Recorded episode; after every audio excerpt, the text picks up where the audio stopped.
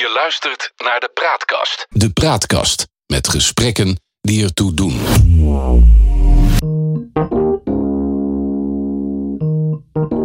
Dit is CNR, de podcast met Chris Wolters en Raymond Laurier.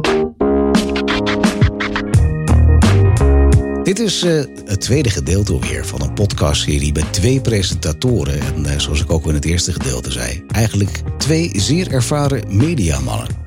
In het eerste gedeelte hebben we gesproken met Raymond Laurier. En uh, nu gaan we verder met, ja, wat is het, een journalist, een redacteur of is die ook gewoon een radiogek? We hebben het over Chris Wolters. Goeiedag, Chris. Dag. Fijn dat je ook hier bent. En ook jij bent een, eigenlijk een oude bekende in de, de landelijke RTV-wereld. We hebben het net al even gehoord van uh, Remol. Um, maar je geeft eigenlijk voor jezelf aan dat je verslaafd bent aan het mooiste medium wat er is: radio en podcast. En uh, je schrijft zelf dat het je gaat om de, de, de sfeertekening, het prikkelen van de fantasie van de luisteraar. En dat wil je juist benutten in je, in je podcast. Waarvan kan de luisteraar je überhaupt kennen? Oh, van heel veel dingen, maar uh, niet bewust. Nou, waar kunnen ze je onbewust van kennen dan? nou, ik heb uh, onder meer uh, de eindredactie gedaan van Koffietijd en RTL Live op RTL. Mm -hmm. Ik heb Domino Day gedaan als eindredacteur. Ik heb, nou, dat zijn toch niet de minste dingen. Ik heb ook een tijd Business Update, het zakelijke aandelenprogramma, als eindredacteur gedaan. Dus ja, daar zouden ze je van kunnen kennen. Maar hoe ben je in die wereld uitgekomen? Puur toeval. Vertel. Ja, nou, ik, ik had een functie bij een semi-overheidsorganisatie in de communicatie. En daar hadden we ook uh, radio's. even niet zo vaag. Waar, welke organisatie? Het was de Nederlandse Onderneming voor Energie en Milieu. En dat is oh, dat nu... was toch in de tijd dat het een, een, een, niet commercieel was? Nou, het was op armlengte van de overheid. En dan moesten we allerlei projecten doen... waarmee energiebesparing en uh, reductie van verbruik... dan weet ik wat allemaal, dat moest allemaal gepromoot worden. Ja. Dat is nu overgegaan in uh, de Rijksdienst voor Ondernemingen. Dat is meer bekend onder, maar het is gewoon een soort uh, PR-apparaat uh, waar ingenieurs aan, aan, aan het licht brengen. Wat kun je nou allemaal besparen? En dat kan zeer, zeer com complex zijn. Alleen ze kunnen het niet vertellen. En daar hadden ze dan communicatiemensen voor nodig. Daar was ik er een van. Daar kwam jij aan. Ja. Wat, wat, wat gaf jou um, het idee dat je daar wat mee kon? Dat je, dat, dat je nou, daar goed iemand, was? Iemand zei tegen mij: Volgens mij kun jij die uh, ingewikkelde verhalen goed vertalen. En dat vond je zelf ook? En dat vond ik zelf ook. Dus toen ben ik er maar gaan zitten. En ik kreeg vervolgens ook met iedereen ruzie daar. Omdat je dan zei: van dat is allemaal mooi verteld. Maar het is lang niet eenvoudig genoeg. En daar begrijpen een hele hoop mensen niets van. Mm -hmm. Nou, dan vertaalde je dat eenvoudig. En dan kreeg je zo over je heen van: ja, maar dat, dat is wel heel eenvoudig. Ja, maar je moet het toch overbrengen. Maar wat was jouw achtergrond dan, dat je dat zo goed kon? Uh, nou, ik ben eigenlijk, dat, dat, zeg je tegenwoordig niet meer, maar ik ben eigenlijk opgeleid als onderwijzer. Ja. Dus ik was gewoon docent uh, voor het basisonderwijs. En daar leer je een hele hoop dingen: Nederlandse taal en uh, aardrijkskunde en geschiedenis en maatschappelijk contact. Nou, noem het allemaal maar op. Dus je hebt een brede opleiding en ook een brede belangstelling. Dat is handig. Heb je ooit voor de klas gestaan vroeger? Ja. Hoe lang?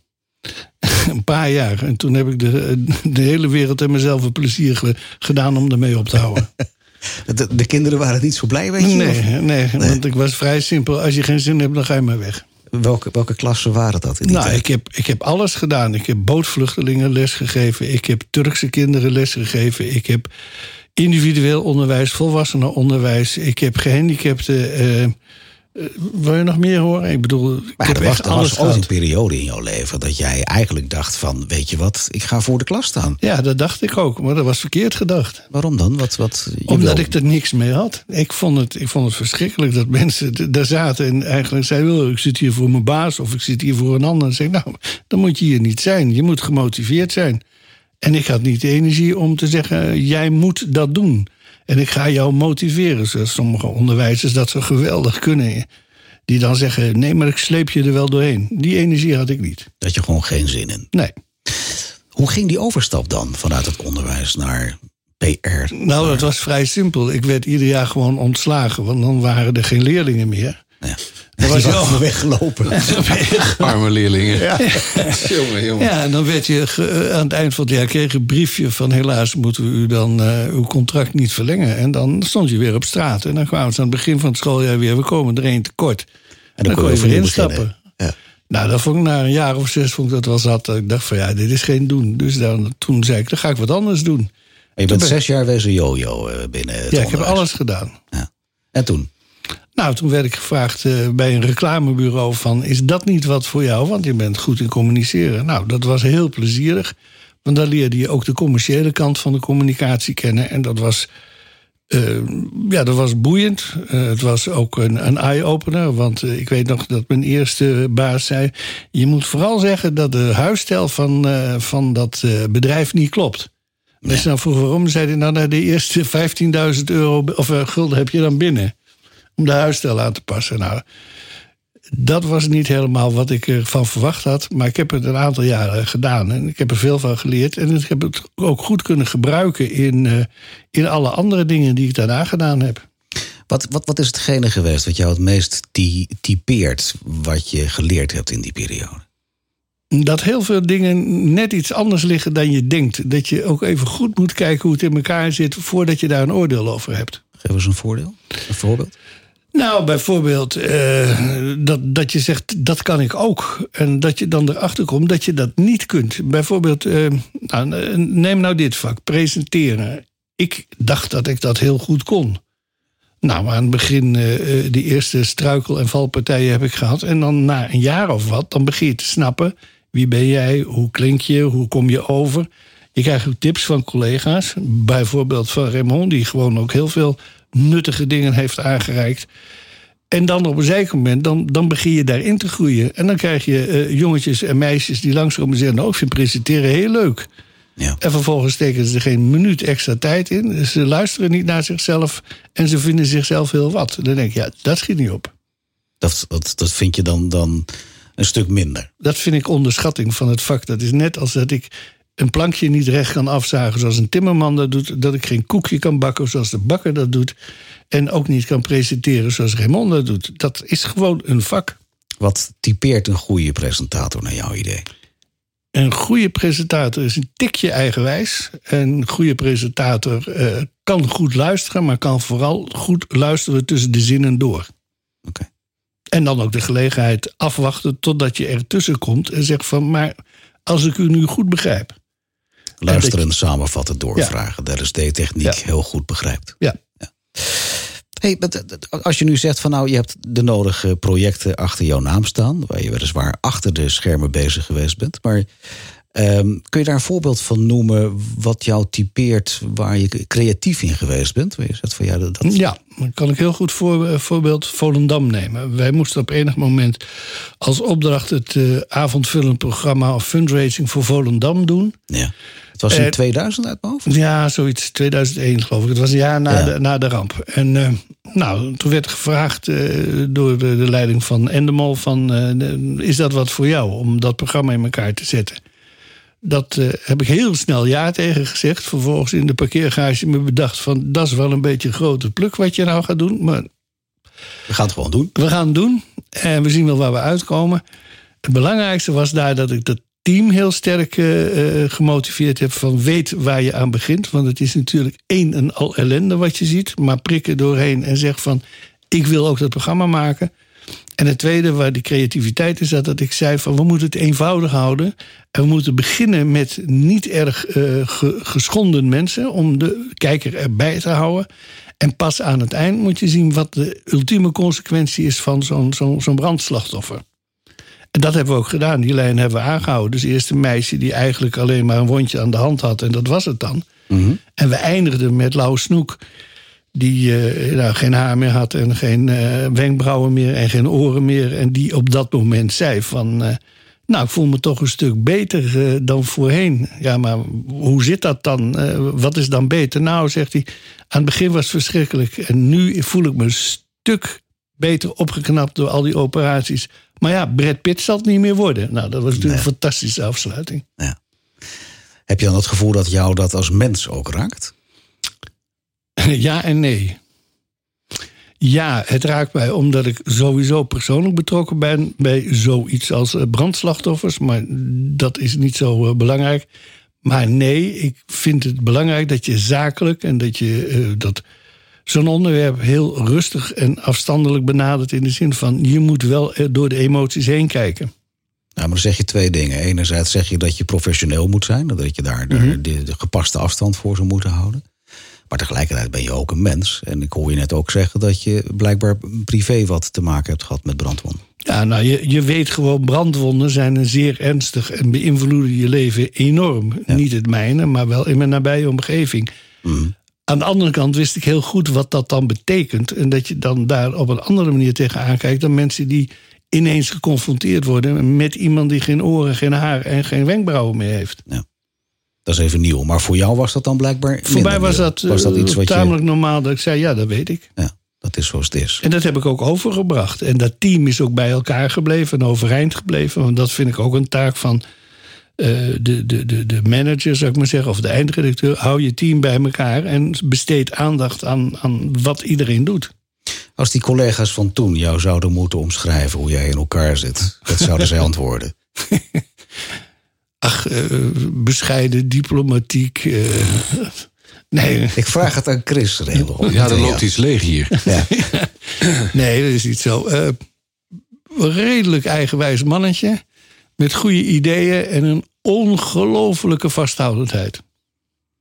Welke kanten van jezelf laat je minder snel zien? Nee. Ik, nee. Ik laat alle kanten heel makkelijk zien. Want ik, ik ben niet zo bang dat de, men, dat de mensen over je oordelen. Nee? Nee. Dat doen ze toch wel hoor. Ja, dat doen ze toch wel. Dus waarom zou ik me daar druk over maken? Maar dat weet ik niet, omdat je ook een mens bent die, die kwetsbaar is. Daar ben ik overheen. Je bent niet kwetsbaar meer. Je bent wel kwetsbaar, maar ik heb absoluut geen zin om, om, om eh, daar heel diep op in te gaan. Als jij dat vindt, dan vind jij dat. Nou, Dat, dat is dan wat het is. ja, dat is het dan. Oké. Maakt het leven wat makkelijker. Wat voor soort werkomgeving inspireert jou?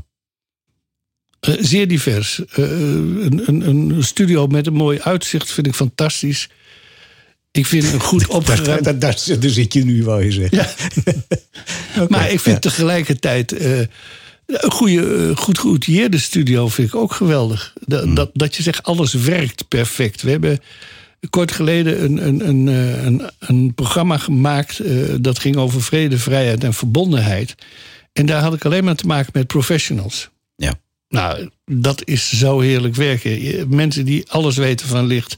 Mensen die alles weten van geluid. Mensen die alles weten van hoe doe je nou een, een toneel opzet. Dat is zo fantastisch. En als je dan ook nog mensen hebt die, die er hard voor hebben... wat catering betreft en alle zaken eromheen... dat is een warm bad. Ik, ik zie aan je ogen dat je daarvan geniet bij de, de gedachte alleen al. Hè? Als dingen goed lopen, als dingen goed opgezet zijn, als, als daar fundament onder zit, dan, dan zie ik je sprankelen. Ja, en dat, maar dat is ook, eh, ja, daar ben je mee opgevoed. Van zorg dat je je zaken goed voorbereid hebt, goed voor elkaar. Dat is ook een van de redenen waarom ik Raymond nog steeds eh, verdraag. Omdat hij altijd maar weer erop hamert. altijd maar weer erop hamert. Van nee, dat accepteren we niet. Dat moet goed zijn. Ja. Ik ben nog wel eens geneigd om eroverheen te stappen. Maar Raymond doet dat niet. Maar wat Nee. is dan, Chris, wezenlijk belangrijk voor jou? Gewoon Dat als we- mens. Wat, waar, wat, wat is wezenlijk, van wezenlijk belang? Weer steekwoorden of weer... Ik wil jou. Ehm, wat voor mij belangrijk is, is dat ik mensen kan vertrouwen en dat ik met mensen het gevoel heb dat ze er wat voor over hebben voor die samenwerking. Dat gaat over, echt over het menselijk aspect wat er dan achter Ja. zit. En Ja. daar is dan eigenlijk eh, de wijze waarop het uitgevoerd wordt, is maar een middel. Ja, is een middel. Ik, ik verwacht van mensen dat ze, er, eh, dat ze er ook alles aan doen.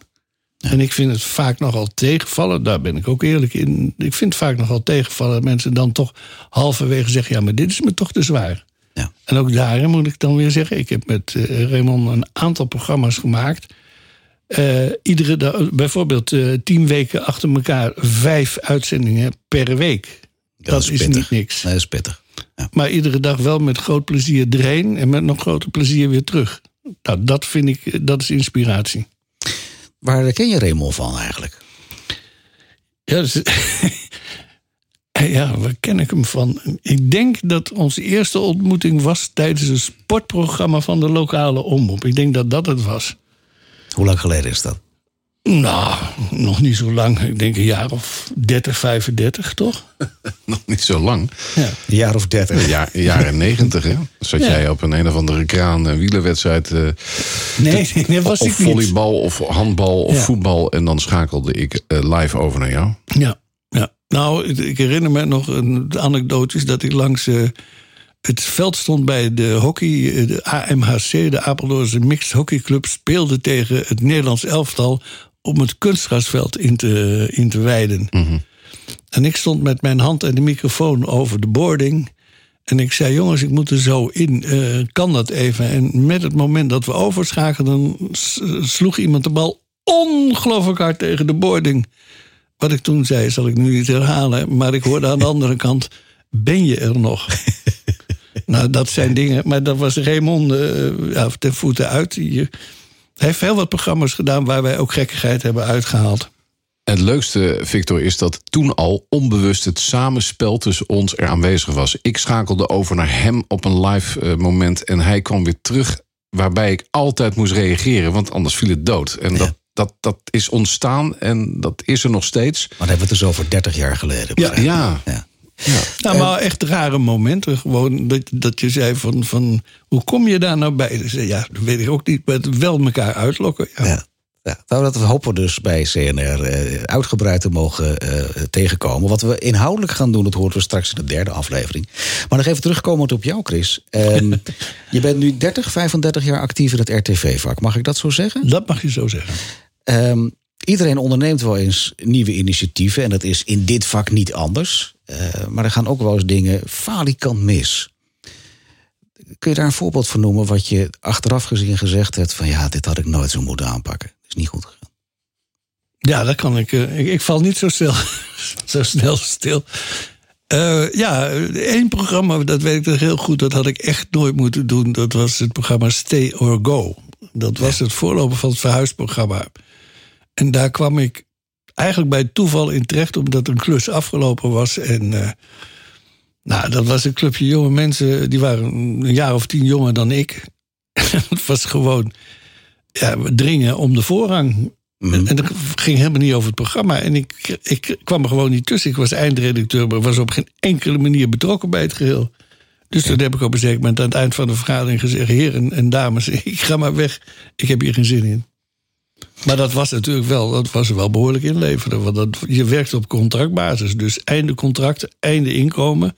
En het was kom- klaar. Ja, en dan kom je thuis en zeg ik heb, eh, ik heb opgezegd. Ik heb geen werk meer. Nee, en dan zei mijn vrouw, nou, het is maar goed dat ik dan werk heb. Nou, dat was ook zo, denk ik. Ja, dat was ook zo. Het scheepje- inkomen hebt. het scheepje is altijd drijvend gehouden door, door mijn vrouw. Dus eh, daar heb ik wel wat aan te danken. Ja, mooi om dat eh, zo te mogen horen. Want jullie zijn al heel lang samen, begrijp ik. Eh, ja. Ja. Ja, ja. ja, ook. Ja. Ik, hoef, ik hoef geen jaartallen te weten hoor. Dat valt er weer mee natuurlijk. Maar, eh, Nou, eh, maar als je- als heel je- eerlijk gezegd, we zijn afgelopen jaar allebei de trouwdatum vergeten. Dus eh, zo erg zit het er bij ons in. ja, misschien is het er zo vanzelfsprekend dat je dat ook weer positief kunt zien. Ja, ja Dus nee, daarom, wij, zijn, wij hechten er niet zo aan. Nee. Hey, zijn er nog dingen die je aan jezelf zou willen ontwikkelen? Waarvan je zegt van nou, eh, als ik de afgelopen jaren dat meegemaakt heb, dan, dan eigenlijk vind ik dat ik daar nog steeds een leermoment heb. Ja, dat is het. En dan moet ik, dan moet ik het op tafel gooien. Nou, het enige. Ik, ik, ik zeg altijd: ik ben ontzettend lui en daarom werk ik zo hard. Wat bedoel je daar precies mee? Nou, ik heb nog wel eens een neiging om dan met een half oog... en dan denk ik, ik weet het wel. Ik heb dat artikeltje wel gelezen. Ik heb die vent wel eens gehoord of die mevrouw. Dat komt wel goed. Ik weet het wel. Ja. Ja, ik weet het wel. En dat is een van de grootste valkuilen. Want dan moet je ze nu en dan je eruit redden. Meestal lukt het wel. Heel soms word je echt gevloerd door het moment. Maar dat betekent dat je eigenlijk ehm, eh, eh, je enorme bak levenservaring, werkervaring koestert. En, en daar soms dan te veel op de automatische piloot loopt. En tegelijk eh, dat je dan denkt van... eh, ik heb er even geen zin meer aan, want ik heb het al zo vaak gedaan. En, en, en die zelfvoldaanheid, die moet je echt zien te voorkomen. Je moet een beetje discipline opbrengen. Nog plannen voor de toekomst? Ja, Vertel. nee. Ja. Nou, nou. Eh, ik hoop dat de praatkast een heel groot succes wordt. Eh, en dat bedoel ik niet zozeer, want het is al een fantastisch eh, voertuig en we doen er al heel veel mee. Maar vooral dat de mensen het erover hebben zeggen, die hebben dit begrepen. Dat is één. En tweede, ik hoop daarnaast nog wat ruimte te hebben om eh, een beetje te schrijven en een beetje filmpjes te maken en dat soort dingen. Dat vind ik gewoon heel erg leuk. En dat geeft veel bevrediging. Het is eigenlijk een heel mooi samenspel met, met waar je dan vandaan komt. Want ik zie even een Chris die voor de klas stond met allemaal irritante mensen tegenover hem.